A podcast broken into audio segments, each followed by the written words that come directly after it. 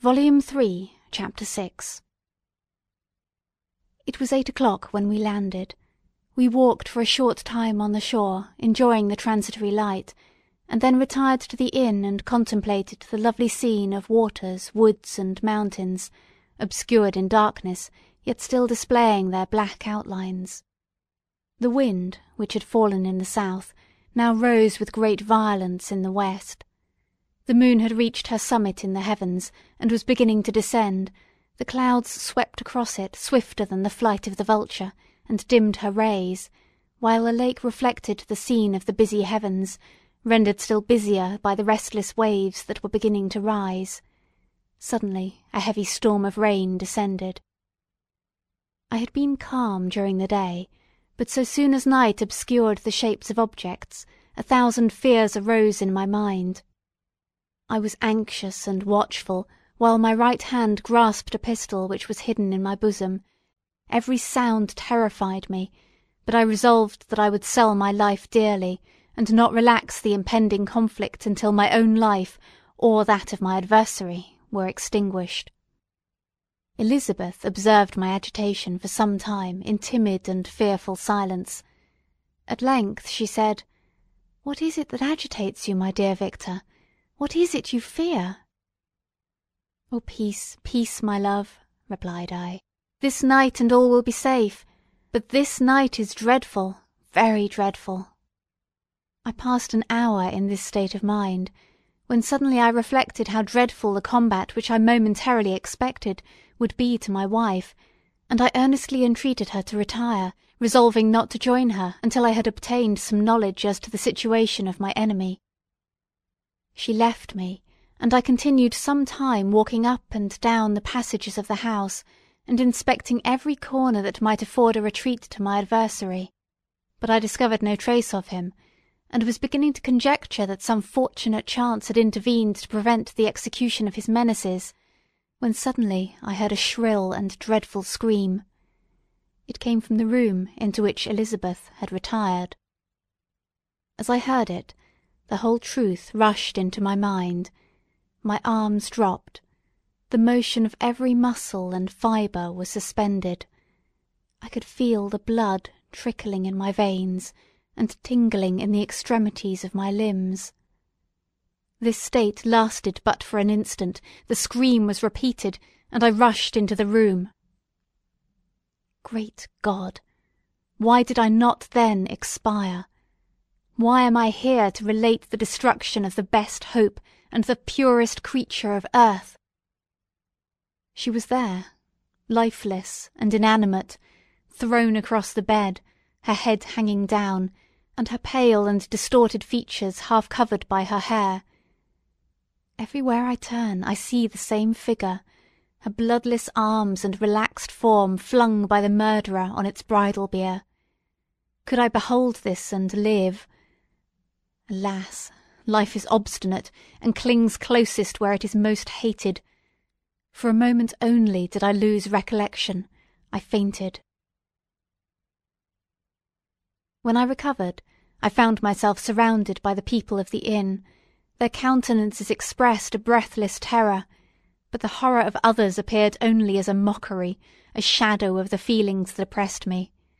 I escaped from them to the room where lay the body of Elizabeth my love, my wife, so lately living, so dear, so worthy. She had been moved from the posture in which I had first beheld her, and now, as she lay, her head upon her arm and a handkerchief thrown across her face and neck, I might have supposed her asleep. I rushed towards her and embraced her with ardour, but the deathly languor and coldness of the limbs told me that what I now held in my arms had ceased to be the Elizabeth whom I had loved and cherished. The murderous mark of the fiend's grasp was on her neck, and the breath had ceased to issue from her lips. While I still hung over her in the agony of despair, I happened to look up. The windows of the room had before been darkened, and I felt a kind of panic on seeing the pale yellow light of the moon illuminate the chamber. The shutters had been thrown back, and with a sensation of horror not to be described, I saw at the open window a figure the most hideous and abhorred. A grin was on the face of the monster. He seemed to jeer as with his fiendish finger he pointed towards the corpse of my wife. I rushed towards the window, and drawing a pistol from my bosom, shot, but he eluded me, leaped from his station, and running with the swiftness of lightning, plunged into the lake. The report of the pistol brought a crowd into the room. I pointed to the spot where he had disappeared, and we followed the track with boats. Nets were cast, but in vain. After passing several hours, we returned hopeless, most of my companions believing it to have been a form conjectured by my fancy. After having landed, they proceeded to search the country, parties going in different directions among the woods and vines. I did not accompany them. I was exhausted. A film covered my eyes, and my skin was parched with the heat of fever. In this state I lay on a bed, hardly conscious of what had happened. My eyes wandered round the room, as if to seek something that I had lost. At length I remembered that my father would anxiously expect the return of Elizabeth and myself, and that I must return alone. This reflection brought tears into my eyes, and I wept for a long time, but my thoughts rambled to various subjects, reflecting on my misfortunes and their cause. I was bewildered in a cloud of wonder and horror. The death of William, the execution of Justine, the murder of Clerval, and lastly of my wife. Even at that moment I knew not that my only remaining friends were safe from the malignity of the fiend, my father even now might be writhing under his grasp, and Ernest might be dead at his feet. This idea made me shudder, and recalled me to action. I started up, and resolved to return to Geneva with all possible speed. There were no horses to be procured, and I must return by the lake, but the wind was unfavourable, and the rain fell in torrents. However, it was hardly morning, and I might reasonably hope to arrive by night. I hired men to row, and took an oar myself, for I had always experienced relief from mental torment in bodily exercise. But the overflowing misery I now felt, and the excess of agitation that I endured, rendered me incapable of any exertion. I threw down the oar, and leaning my head upon my hands, gave way to every gloomy idea that arose. If I looked up, I saw the scenes which were familiar to me in my happier time, and which I had contemplated but the day before in the company of her who was now but a shadow and a recollection. Tears streamed from my eyes. The rain had ceased for a moment, and I saw the fish play in the waters as they had done a few hours before. They had then been observed by Elizabeth. Nothing is so painful to the human mind as a great and sudden change. The sun might shine, or the clouds might lower, but nothing could appear to me as it had done the day before. A fiend had snatched from me every hope of future happiness. No creature had ever been so miserable as I was, so frightful an event is single in the history of man. But why should I dwell upon the incidents that followed this last overwhelming event? Mine has been a tale of horrors, I have reached their acme, and what I must now relate can be but tedious to you. Know that one by one my friends were snatched away. I was left desolate.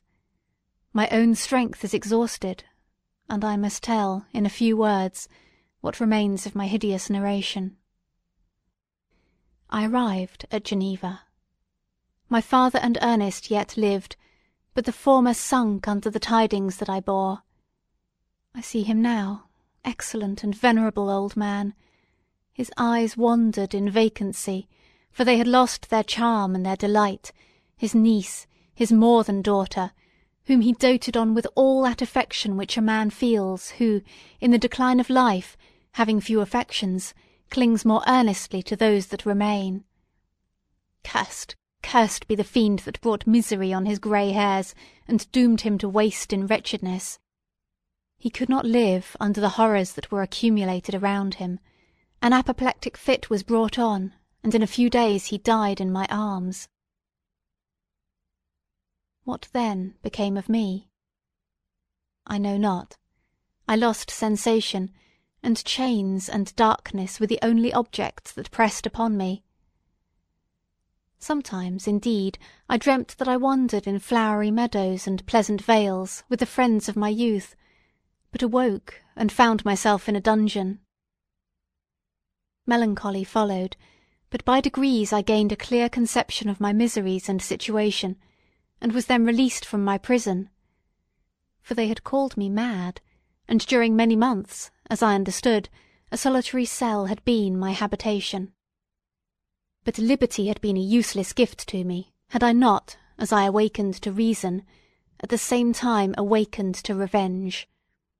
As the memory of past misfortunes pressed upon me, I began to reflect on their cause, the monster whom I had created, the miserable demon whom I had sent abroad into the world for my destruction. I was possessed by a maddening rage when I thought of him, and desired and ardently prayed that I might have him within my grasp to wreak a great and signal revenge on his cursed head. Nor did my hate long confine itself to useless wishes. I began to reflect on the best means of securing him, and for this purpose, about a month after my release, I repaired to a criminal judge in the town, and told him that I had an accusation to make, and that I knew the destroyer of my family, and that I required him to exert his whole authority for the apprehension of the murderer. The magistrate listened to me with attention and kindness. Be assured, sir, said he, no pains or exertions on my part shall be spared to discover the villain. I thank you, replied I. Listen, therefore, to the deposition that I have to make. It is indeed a tale so strange that I should fear you would not credit it, were there not something in truth which, however wonderful, forces conviction. The story is too connected to be mistaken for a dream, and I have no motive for falsehood. My manner, as I thus addressed him, was impressive but calm. I had formed in my heart a resolution to pursue my destroyer to death, and this purpose quieted my agony, and for an interval reconciled me to life. I now related my history, briefly but with firmness and precision, marking the dates with accuracy, and never deviating into exclamation. The magistrate appeared at first perfectly incredulous, but as I continued he became more attentive and interested. I saw him sometimes shudder with horror, at others a lively surprise, unmingled with disbelief, was painted on his countenance. When I had concluded my narration, I said, This is the being whom I accuse, and for whose detection and punishment I call upon you to exert your whole power. It is your duty as a magistrate, and I believe and hope that your feelings as a man will not revolt from the execution of those functions on this occasion. This address caused a considerable change in the physiognomy of my auditor. He had heard my story with that half kind of belief that is given to a tale of spirits and supernatural events, but when he was called upon to act officially in consequence, the whole tide of his incredulity returned. He, however, answered mildly, I would willingly afford you every aid in your pursuit, but the creature of whom you speak appears to have powers which would put all my exertions to defiance. Who can follow an animal which can traverse the sea of ice and inhabit caves and dens where no man would venture to intrude? Besides, some months have elapsed since the commission of his crimes, and none can conjecture to what place he has wandered, or what region he may now inhabit. I do not doubt that he hovers near the spot which I inhabit, and if he has indeed taken refuge in the Alps, he may be hunted like the chamois, and destroyed as a beast of prey. But I perceive your thoughts. You do not credit my narrative, and do not intend to pursue my enemy with the punishment which is his desert. As I spoke, rage sparkled in my eyes. The magistrate was intimidated. You are mistaken, said he. I will exert myself, if it is in my power to seize the monster. Be assured that he shall suffer punishment proportionate to his crimes. But I fear, from what you have yourself described to be his properties, that this will prove to be impracticable, and that, while every proper measure is pursued, you should endeavour to make up your mind to disappointment. That cannot be. but all that I can say will be of little avail. My revenge is of no moment to you, yet while I allow it to be a vice, I confess that it is the devouring and only passion of my soul. My rage is unspeakable when I reflect that the murderer, whom I have turned loose upon society, still exists. You refuse my just demand. I have but one resource, and I devote myself, either in my life or death, to his destruction. I trembled with excess of agitation as I said this. There was a frenzy in my manner, and something, I doubt not, of that haughty fierceness which the martyrs of old are said to have possessed. But to a Genevan magistrate, whose mind was occupied by far other ideas than those of devotion and heroism, this elevation of mind had much the appearance of madness. He endeavoured to soothe me as a nurse does a child, and reverted to my tale as the effects of delirium. Man, I cried, how ignorant art thou in thy pride of wisdom! Cease! You know not what it is you say. I broke from the house angry and disturbed, and retired to meditate on some other mode of action.